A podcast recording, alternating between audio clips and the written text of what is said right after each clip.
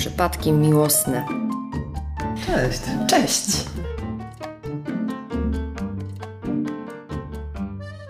Вітам або вітаю, як говорять також в Україні. Дуже подібні слова, але сьогодні не про подібність наших мов, хоча дійсно е, українською буде вітаю, польською вітам, а російською привітствую. Тому одразу зрозуміло, яка мова до якої ближча, і які народи до якого є ближчими і більш рідними. Але наразі не про це. Сьогодні тема, яку ми з вами будемо обговорювати, точніше слухати, це розрив через війну. Ми поговоримо сьогодні не лише про кохання та розриви відносин. Сьогодні ми торкнемося багатьох тем. Здавалось би, геть не про розірвання відносин, про розірвання стосунків. Ми поглянемо глибше. Отож, давайте починати. Звучить на перших хвилинах досить сумно. Війна. Вона завжди асоціюється зі стресом, е, розділеними родинами, самотністю, втратами, помешканням рідних, усіх надбань, які були до цього, роботи, друзів. Одним словом, з усіма жахіттями світу, які тільки можна уявити. І це так. Чому ж казати, що ні? Це дійсно правда. Це жахіття усього світу зібрані в один час, в один момент, і все те, що відбувається, не можна описати іншим словом як жах. Але часом ми забуваємо, що війна стала чудовим показником або лакмусовим папірцем нашого життя. Ми так багато дізналися про наших так званих рідних, друзів, про наших колег, про робочі колективи, навіть про коханих людей, які довгий час або недовгий час, може досить короткий, круткий час були поруч з нами. Давайте розберемо все по черзі. Завжди будемо починати із себе, своєї особистості, а потім уже будемо розбирати всіх інших.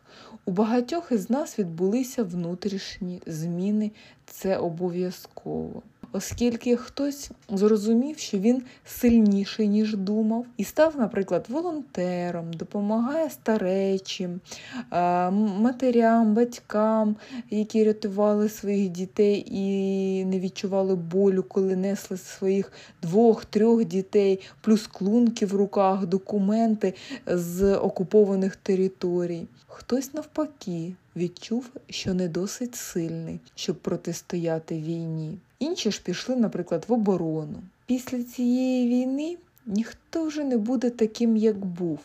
Але я хочу, щоб кожен з вас пам'ятав, що чи то діяльністю, чи навпаки бездіяльністю, але кожен робить свою справу. Як колись сказав великий мудрець, змах крил метелика може на іншому континенті створити бурю або цілий прилив. Тому зрозумійте, навіть бездіяльність може бути корисною. І саме тут виникають проблеми, тому що більшість українців почала ділитися на два табори. І я б хотіла сьогодні саме скористатися можливістю того, що мені надали слово, можливістю говорити з українцями, з поляками, з іншими народами, які це почують, які почують переклад. Е, якщо прочитають, можливо, припиніть. Ми єдині. Я звертаюся до всіх українців і взагалі до всіх народів. Ми єдині, тому що ми люди, українці, а ми єдина кров ми також єдині, найбільш єдині, ніж всі інші народи, якщо можна так сказати. Тому що так, нас багато хто підтримує, але наразі кожен з вас є продовженням один одного. Зараз ми ніби єдина сім'я, як би там не було, як би там не складалося, де б ми зараз не були, де б ми не ночували, що б ми не робили. Так от, табір перший це ті, що залишилися на Україні на її території. Другий табір це ті, що рятували себе, своїх дітей, своїх батьків і поїхали до різних країн Європи, куди на відкритий шлях. І тут починається дивне цькування. Коли людина повертається, або коли вона озвучує, наприклад, на роботі своїм друзям на питання, де ти зараз є? А де ти був весь цей час? І тут людина дає відповідь, що чесну, причому відповідь, що вона поїхала за кордон рятувати своє життя, своїх дітей. Ага, ти поїхав? То ти ж зрадник, зрадник. Який же зрадник питається? Мати, яка рятує трьох дітей з Харкова чи Маріуполя, то вона не зрадниця, люди, схаменіться. Вона не хоче дістатися загарбникам, расистам, які е, загарбали Маріуполь чи Харків чи іншу територію. Вона не хоче, щоб її вивезли до Росії, до Ростову.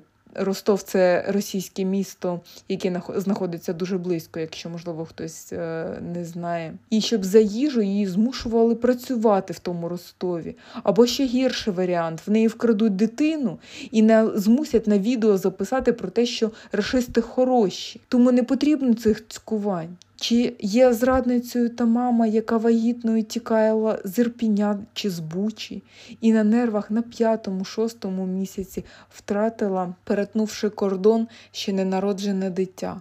Вона зрадниця.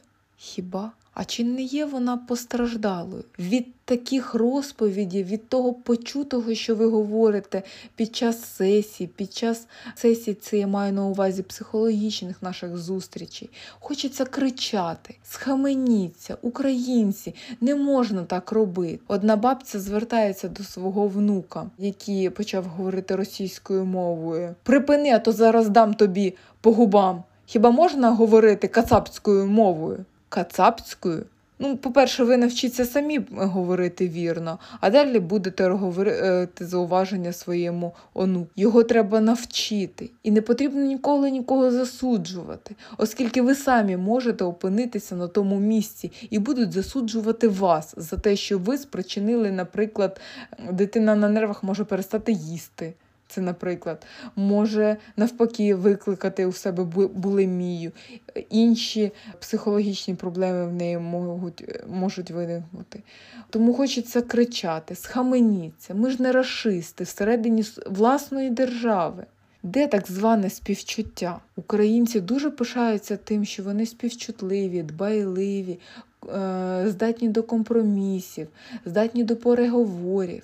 Або ще існує інший поділ на україномовних та російськомовних, як я вже зазначала трошки вище про онука, який може отримати по губам. Коли я працювала волонтером і вивозила дітей з окупованих територій, зокрема, ми, я зустріла тих людей, які вивозили, яких вивозили з Маріуполя. І дівчинка, які ну, на вигляд було десь 10-12 років, чітко не можу сказати, тому що зараз діти виглядають зовсім по-різному, але орієнтовно десь так. Вона відмовлялася їсти і завжди мовчала. І я не знаю чому. Е, щось я її е, намагалася розвеселити, пропонувала їжу, вона відмовлялася навіть від їжі, була дуже замерзлою, і е, тут я щось сказала російською мовою. І вона одразу почала говорити зі мною. Ну, не одразу почала все про себе розповідати, але вона сказала, що їй 12 років, що вона з Маріуполя.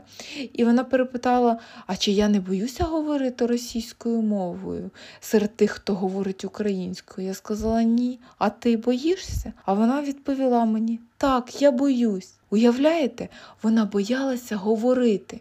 Бо їй в Луганську російські війська сказали, що їй треба йти до нас, ну тобто до Росії. Бо як вона заговорить російською, її вивозять в Київ, там в інші міста, і вона буде говорити в тих містах українською, її будуть катувати, морити голодом, мусять працювати і назавжди розлучать, розлучать з батьками. Батьки, на жаль, її ще не доїхали до Києва, і вона на них очікує. Але відомості про них є, і в цьому плані все добре. Просто вона виїхала першою. У нас завжди були російськомовні україномовні люди. Але ніколи, ніколи наголошую, нікого не переслідували за цим принципом. Так, офіційні документи ми завжди вели українською. Але якщо я не помиляюся, у Польщі також документи виключно проводяться польською мовою. І це жахливо. Українці самі всередині власної держави перетворюють себе на расистів, які можуть зганьбити, вбити навіть дитину за те, що вона розмовляє російською мовою. Якщо ви такі розумні, навчіть її. Вона все життя розмовляла російською, і зараз вона боїться, вона і так налякана. В неї зараз поруч немає батьків. Вона втратила все, що в неї було: одяг, улюблені іграшки. Вона не має будинку, оселі, нічого. Вона навіть не має мрій про майбутнє своє життя, бо вона не може мріяти, бо вона боїться мріяти, бо не знає, що буде завтра. Якщо людям не подобається жити на території України, вони можуть покинути її, будь ласка. Але як говорить наш президент, Донбас, Луганськ це споконвіку наше. І розлучатися або віддавати своє можуть тільки слабкі люди. Не хочете говорити? Маєте інші причини. Прошу, думаю, Росія з радістю буде годувати біженців з України за шматок хліба і пропонувати їм за цей же шматок хліба зняти відео про те, як їм добре живеться. Крим це питання більш складне. Його так ділять, так довго ділять. Але якщо історично переглянути і глянути в глибини нашої історії, то він взагалі не належить ні Росії, ні України. На нього має пред'являти е, право Туреччина. І саме їй він має належати, оскільки вона має права і може представляти вимоги на цей півострів. На жаль, за вісім років навіть близькі люди перестали чути материкових українців. Я маю на увазі кримчани перестали чути українців, які мешкають на території України. Зомбування на території Криму проходить настільки успішно, що ми з колегами, друзями дивуємося, коли добре знайомі нам люди. Такі ж колеги, як і ми, педагоги, психологи, соціальні працівники, пишуть щось по типу так і треба, нехай мруть слава російській армії. І тут нас охоплює такий сором, навіть не жах, не агресія, а саме почуття сорому за цих людей. Ви їли разом з нами. Як колеги за одним столом обговорювали безліч питань наукового плану, практичного плану. Як здавалося, тоді ми дружили, ми співпрацювали і говорили російською. Ми допомагали вести вам документи українською, оскільки е, державна мова українська і потрібно робити все державною мовою. Якщо я не помиляюсь, у Польщі є таке правило, що Три роки, якщо людина пропрацює на благо польської держави і на базовому рівні е, буде знати польську мову і здасть іспит, вона має право отримати карту поляка на базовому рівні. А ми за вас, росіяни, е, ті, які мешкають наразі в Криму, вели всі документи. Коли ви приїжджали, наприклад, захищати дисертаційні дослідження, ви так боялися виступати, що вам було дозволено виступати російською мовою. У вас був перекладач, перекладач для ваших документів, для ваших промов. А тепер ви бажаєте нам смерті нашим дітям, які були знівечені в Бучі, Єрпені, Бородянці. Бог з ним з тими будівлями відбудується, як каже наш президент. Діти то понівечені життя, працюючи на гарячій лінії і маючи можливість спілкуватися з українцями, я завжди чую одне й те слово або одне й те саме речення. Слово це провина а речення, як мені з цим жити. Тому говорити про кохання, розрив між коханими людьми під час війни мені зараз навіть дещо соромно, тому що існують більш глобальні проблеми. Війна просто перевірила, любить вас людина чи ні. Так само вона перевірила і друзів. друг він вам чи ні. Подзвонив, спитав про вас, де ви, як ви, чи живі ви. Багато з вас таких має. Кожен скаже ні, небагато. Один, два перепитав, як, як ви себе маєте, де ви є, чи живі ви. Нещодавно чула розмову двох росіян. Одним словом, підслухала, ну буду чесною. Дівчина говорила з хлопцем. Так, е, Росія винна, говорила вона, що відбувається в Україні. Але говорити, що вина лежить на кожному з росіян, не можна. Хіба я винна? Я не відчуваю провину. Я нічого не зробила, говорить дівчина. От так і буде. Ви, росіяни, всі мовчите. А хто ж буде відповідати за знівечені життя дівчаток, жінок, яких було сплюндровано і зґвалтовано? Хто, якщо з вас ніхто не винний? Ми е, з вами переважна більшість чекає повернення і відбудови держави. Дуже чекає, дуже мріє і надіється. Але нової держави з новим розумінням, з новим менталітетом. Ну, не можна сказати з новим менталітетом, але абсолютно нова Україна чекає нас в майбутньому. Тепер ми знаємо, що рідні можуть бути далеко не рідними людьми. Чужа людина може надати дах, їжу, просто так, а може й використати тебе. Знаєте, скажу відверто, я не вірю в Бога, але вірю у Всесвіт. Довго б йому довелося кожному давати такі цінні уроки життя. А так, одним помахом він нам показав цінність, по-перше, життя, цінність наших рідних, цінність дружби і те, що Україна, Україна має розірвати ті старі пута і стати повністю самодостатньою. Не потрібно бути молодшою сестрою одного народу, іншого, третього, четвертого, будь-якого, або старшою для іншого народу. Ми окремий народ. Тепер нас не спутують з Росією, бо ми українці, ми зовсім інакші. У нас інші ментальні характеристики, інші відчуття. Нам потрібно просто розірвати ці путо і нарешті перемогти. І все стане на свої місця. Радію з того, що тепер ніхто не сплутає мене з іншою нацією, ніхто не скаже, де та Україна, ніхто не скаже, що я є росіянка. Але я прошу, закликаю вас. Будьте толерантні, українці, будьте терпимі. Я дуже пишаюся тими людьми російськомовними, яких я знала, і які починають говорити українською. Так, вони говорять суржиком, але вони намагаються, вони не здаються.